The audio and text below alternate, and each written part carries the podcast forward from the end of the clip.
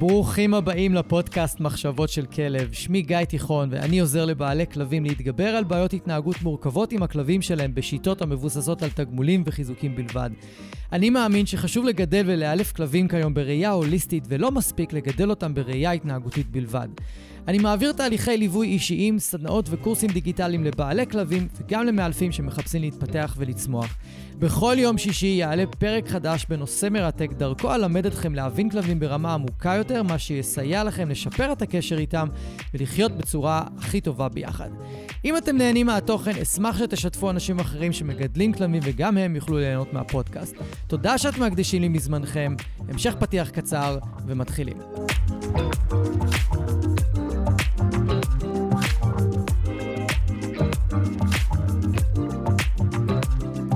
אהלן חברים, ברוכים הבאים לחלק השני של אה, סיבות שטיפולים התנהגותיים ואילופים לא מצליחים. אז ביום שישי האחרון העליתי לכם פרק בו אני מסביר על הסיבות שאילופים וטיפולים התנהגותיים לא מצליחים בהתאם לרצונות שלנו בגלל הכלב ובגלל מי שמגדל את הכלב, שזה אתם.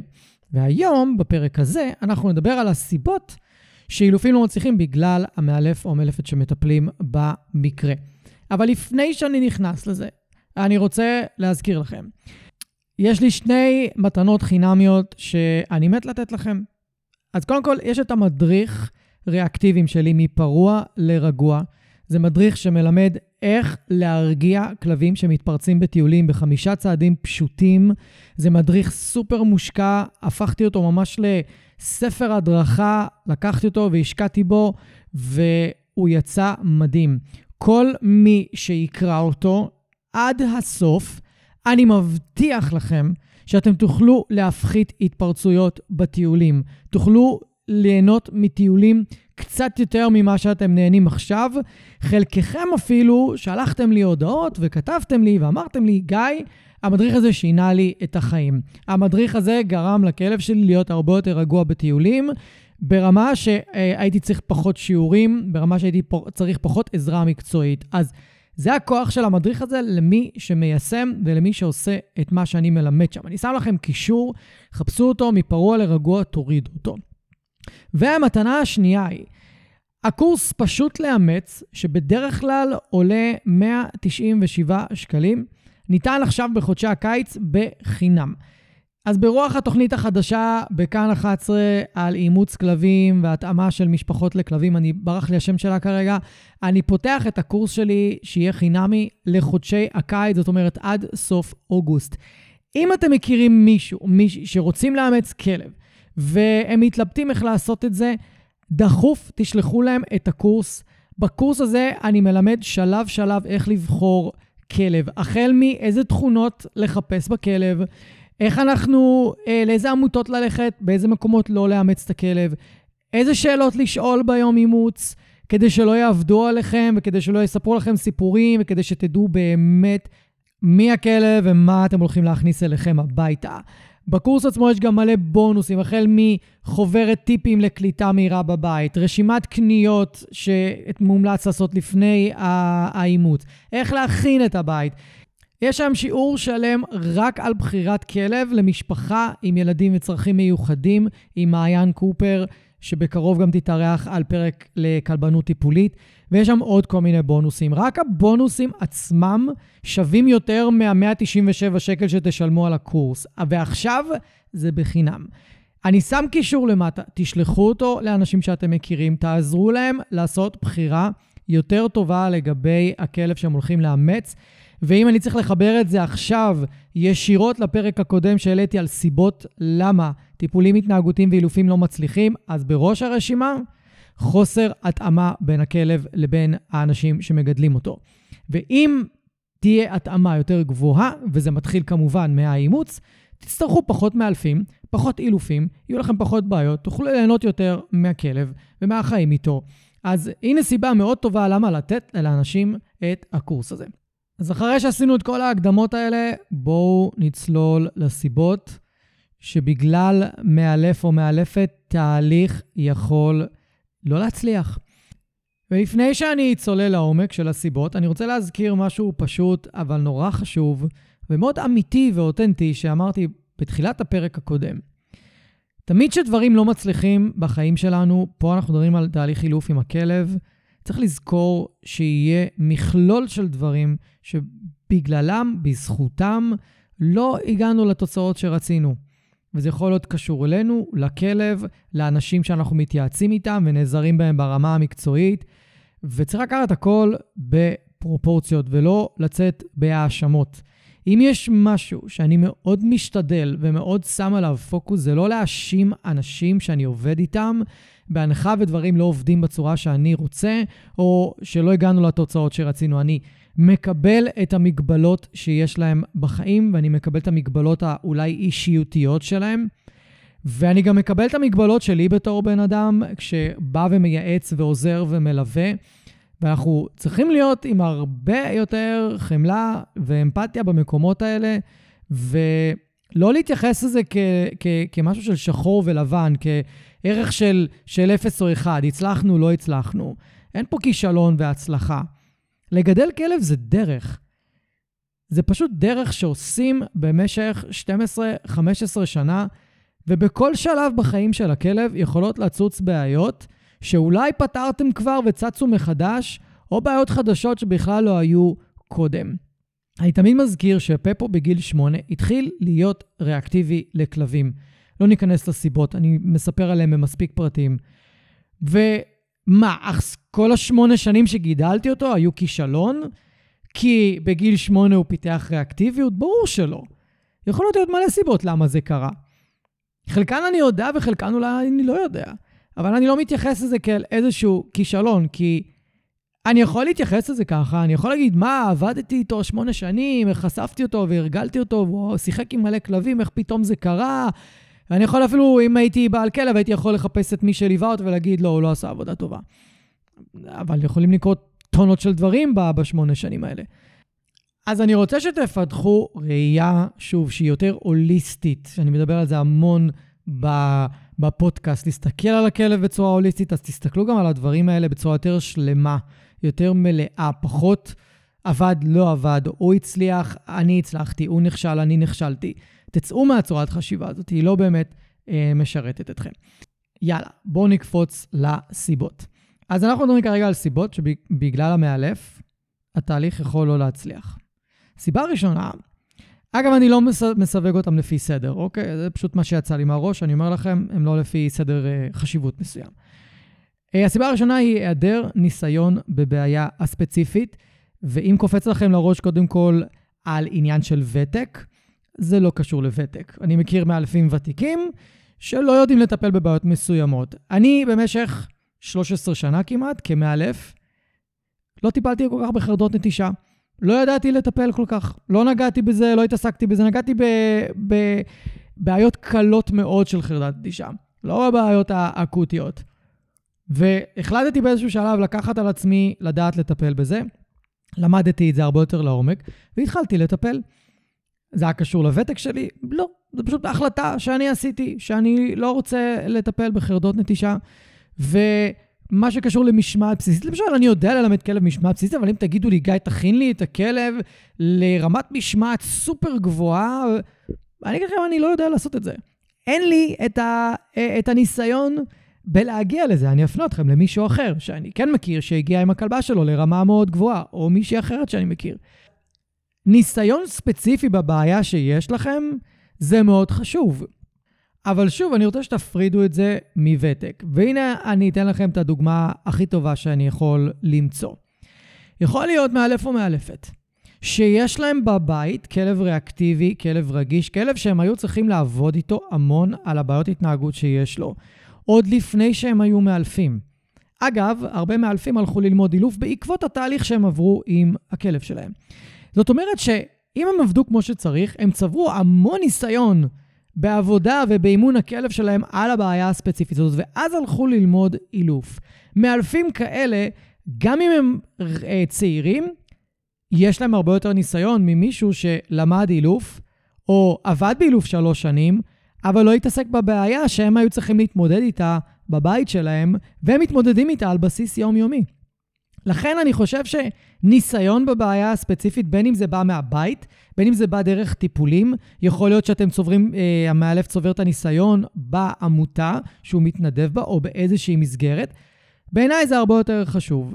אם אין את הניסיון בכלל, אז יכול להיות שזה יפריע בתהליך, אבל גם צריך להבין שיש בעיות מאוד מורכבות, ששם באמת כדאי שיהיה ניסיון, ויש בעיות שהן מאוד מינוריות, שלא חייב שיהיה שם ניסיון. אז אתם יכולים לשאול לגבי הניסיון של המאלף עם הבעיה הספציפית. אני פחות מתייחס לוותק, ואני אפילו יכול לתת לכם דוגמה מהצוות שלי. אף אחד מהם לא מאלף ותיק, אבל הם באים עם ניסיון מהבית בטיפול בריאקטיביות ובטיפול בכלבים רגישים, והם יודעים מה זה להיות בתור מי שמתמודד עם כלב כזה. אז הם מביאים ערך מוסף מאוד מאוד גדול ומבין את הניסיון שלהם מהבית לטפל בבעיות האלה. תוסיפו את כל הניסיון שהם מקבלים ממני, וזה ווין ווין גם לכם כלקוחות וגם לנו כשאנחנו באים ומלווים אתכם. Uh, הבעיה השנייה, או הסיבה השנייה יותר נכון, זה שהמאלף או המאלפת לא מסוגלים ללוות תהליכים ארוכים ומובנים, ולכן הם מציעים ברוב המקרים פתרונות של זבנג וגמרנו. זה אומר שהמאלף או המאלפת שמלווים אתכם לא יודעים להחזיק תהליך לאורך זמן. הם פשוט לא, לא עושים את זה. עכשיו, האם אפשר לזהות אותם מראש? לא, לא ממש, אבל סביר להניח שמאלף או מאלפת שיקחו תשלום מראש, על חבילת שיעורים מראש, הם יותר נוטים להתחייב לתוך התהליך, והם פחות אולי ייעלמו אה, תוך כדי התהליך. אז זה יכול להיות איזשהו מדד, אבל הוא לא מדד של אה, 100%, כי יש הרבה מאלפים ומאלפות טובים בשוק שלא לוקחים חבילות מראש ולא, מש... ולא לוקחים תשלום מראש, והם עדיין נורא טובים ויודעים ללוות תהליכים עד הסוף. אתם כן יכולים, תוך כדי תנועה, לשים לב האם המאלף או המאלפת נותנים מענה בוואטסאפ, זמינים לכם לשאלות, מעודדים אתכם לקבוע מפגשים, או שהם מחכים שאתם תעשו את הצעד הראשון כל הזמן, שאתם תבקשו לקבוע, שאתם תשלחו הודעות אם יש לכם שאלות. כל הזמן אתם צריכים להפעיל את המאלף כדי שהתהליך יתקדם. אם זה קורה, זה אמור להדליק לכם נורה אדומה.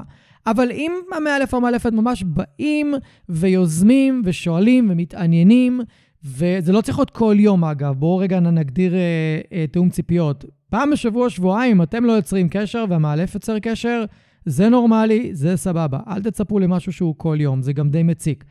אז מבחינתכם, זה דרך טובה לזהות אם האנשי מקצוע שאתם עובדים איתם באמת יכולים להישאר שם בלונגרן, כי הרבה פעמים כשמטפלים בבעיות התנהגות מורכבות, זה ריצה למרחקים ארוכים של כמה חודשים, שלושה, ארבעה, חמישה חודשים, חצי שנה לפעמים. יש לי תהליכים מאוד מורכבים שיכולים להימשך גם קרוב לשנה. זה לא אומר שאנחנו נפגשים כל שבוע, אבל זה אומר שיש תקשורת רציפה, וזה אומר שיש זומים ויש מפגשים אה, לאורך השנה הזאת, יש תקשורת כל הזמן. אנחנו כל הזמן אה, ממשיכים להתעדכן, כי זה מה שצריך עבור התהליך. אז עבורכם, הדבר הכי חשוב לבדוק כבר בתחילת התהליך, שהאדם שאתם עובדים איתו באמת מחויב לטווח ארוך, אם יש לכם בעיה מורכבת שדורשת מספר חודשים של טיפול, וזה בסדר לשאול את זה בצורה ישירה, כדי לקבל איזושהי תשובה. כל מי שנגיד ישאל אותי דבר כזה, התשובה שלי תהיה, בוודאי, בטח, בלי להסס, כי זה מה שאני עושה המון שנים.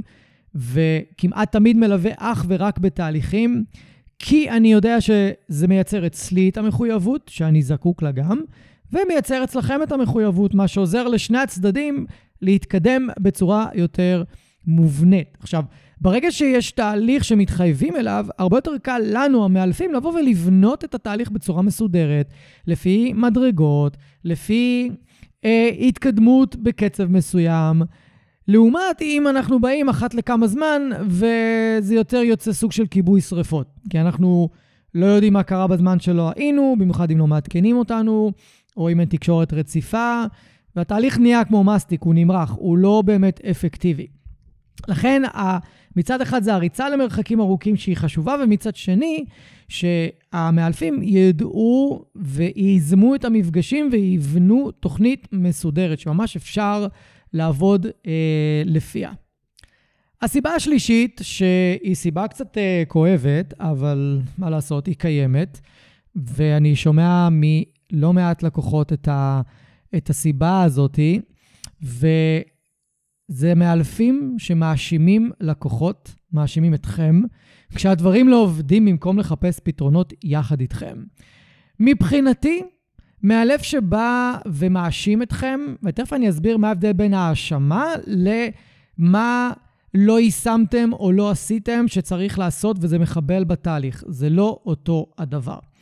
ההאשמה יותר תישמע כמו משהו, אה, את לא אסרטיבית מספיק, את לא חזקה מספיק מול הכלב, את לא... אה, משהו שקשור לאופי שלכם, משהו שקשור לטבע שלכם, משהו שקשור לדברים שאתם לא בהכרח יכולים לשנות. כאילו, זה מי שאתם, או זה האורח חיים שלכם, או זה מה שבחרתם, וכאילו, באים וזורקים את זה עליכם כאיזה משהו שמחבל בתהליך, ו- ואין לכם יכולת לשנות את זה. אז מבחינתי זה איזושהי האשמה שהיא לא צודקת, אוקיי? כי מצד שני, אם יש איזושהי מגבלה, אז בואו נדבר עליה ונראה איך אפשר לעבוד מסביבה, לעבוד איתה, או לעבוד באיזושהי צורה.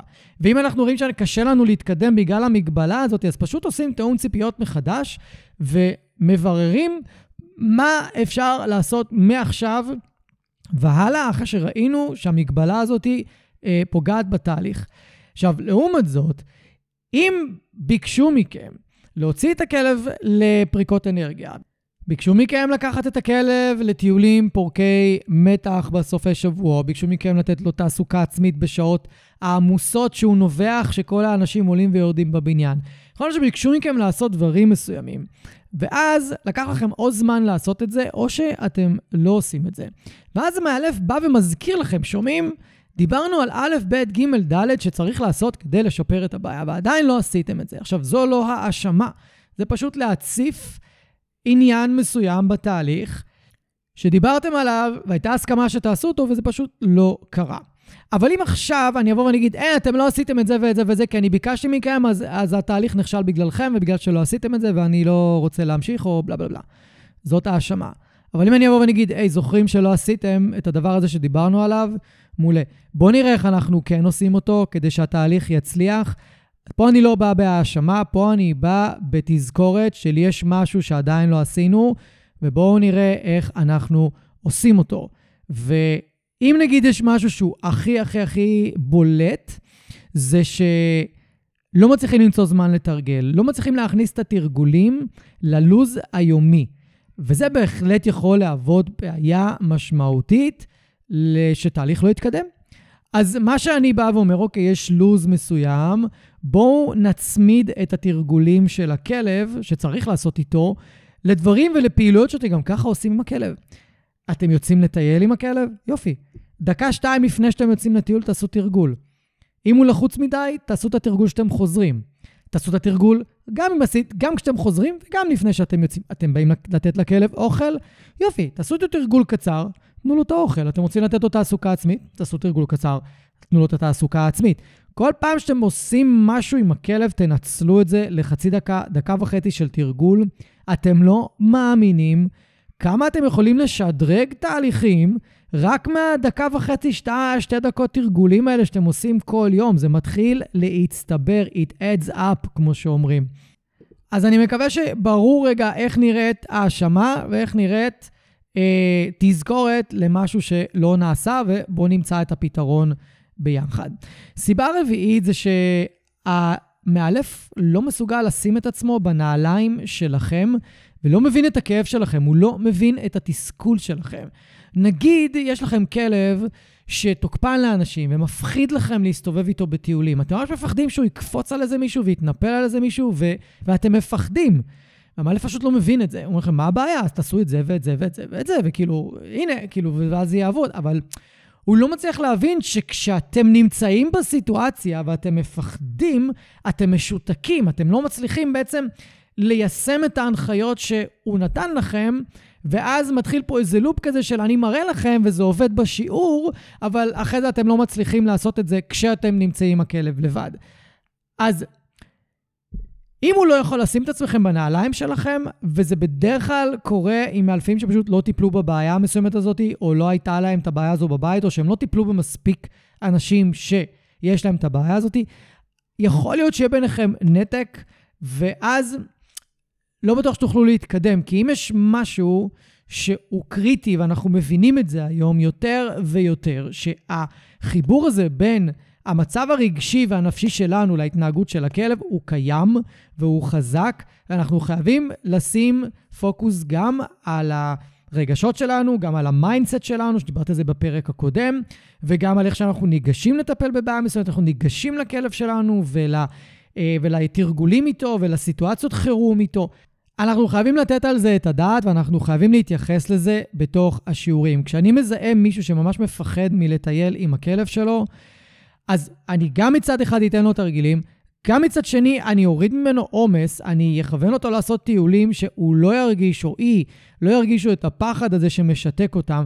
ודבר שלישי, כן, אנחנו נתחיל לדבר על, רגע, גם אתה או את צריכים לטפל בעצמכם ובפחד שאתם חווים, כי זה לא בהכרח הכלב שגורם לפחד. ההתנהגות של הכלב לוחצת על איזה משהו פנימי שלנו, כשאנחנו נמצאים בסיטואציות האלה, שגורם לנו עוד יותר לפחד. וצריך רגע לברר מה זה. וכל האנשים שהסכימו לפתוח איתי את הנושאים האלה, אנחנו תמיד מצאנו משהו פנימי, משהו אצלם שבאמת ההתנהגות של הכלב לוחצת שם על כפתורים שפשוט מדליקה פחד יותר גדול. ואפילו עשינו פרק שלם רק על הנושא הזה, אני והדר גוטמן, על איך כלבים יכולים להיות שער להתפתחות הרוחנית והאישית שלנו. אם זה מעניין אתכם, חפשו אותו. אז אם אני צריך לסכם את הסיבה הזאת, אז מאלף שמסוגל לשים את עצמו בנעליים שלכם, להיות אמפתי כלפיכם, להבין את הקושי שלכם, לתת לכם פתרונות בהתאם לקושי שלכם, יעשה עבודה הרבה יותר טובה. אבל אם המאלף לא מסוגל לראות את זה והוא לא מבין מה הבעיה שלכם, אז קודם כל זה סוג של האשמה של אתם לא בסדר. דבר שני, יכול להיות שיש פה חוסר התאמה ביניכם לבין המאלף. זו הייתה הסיבה הרביעית. סיבה חמישית היא זה שהמאלף מטפל בה מסביב ולא ישירות בבעיה. ואני אסביר את זה דרך הדוגמה הכי פשוטה והכי נפוצה שאני נתקל בה ביום-יום. אנשים לפעמים פונים אליי ורוצים שאני אעזור להם לפתור בעיית ריאקטיביות, התפרצויות של הכלב בטיולים לאנשים, קורקינטים וכאלה. והם עברו כבר מאלף או שניים לפניי. ואני שואל, מה עשיתם באילופים? כי לפעמים יש דברים טובים שעשו באילופים הקודמים, ואני לאו דווקא רוצה לבטל אותם, אני רוצה להשתמש בהם.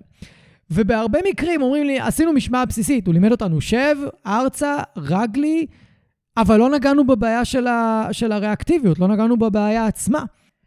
וזה מתחבר לסיבה הראשונה שציינתי מקודם, של היעדר ניסיון בבעיה ספציפית, או היעדר ידע, לצורך העניין.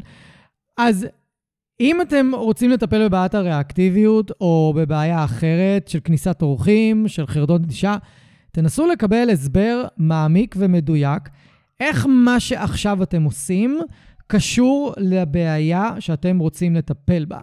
ויוצא לי הרבה פעמים שאני צריך לעשות או ללמד את הכלב התנהגות כלשהי, או ללמד את האנשים שאני מלווה מיומנות מסוימת, שהיא לאו דווקא קשורה ישירות לטיפול בבעיה הגדולה יותר שבגללה קראו לי.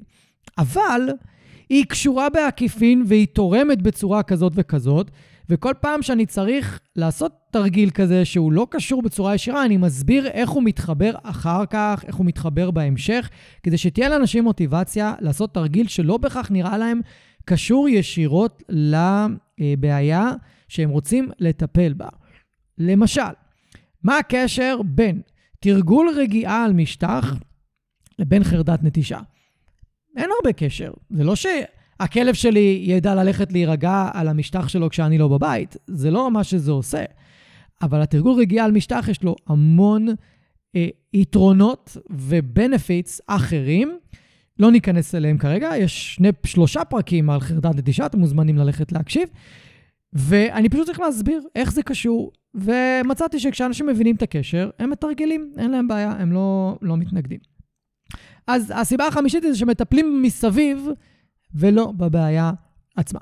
הסיבה השישית זה שהמאלף מתמקד אך ורק בפן ההתנהגותי ולא מסתכל על הכלב כשלם ובצורה הוליסטית. מה הכוונה?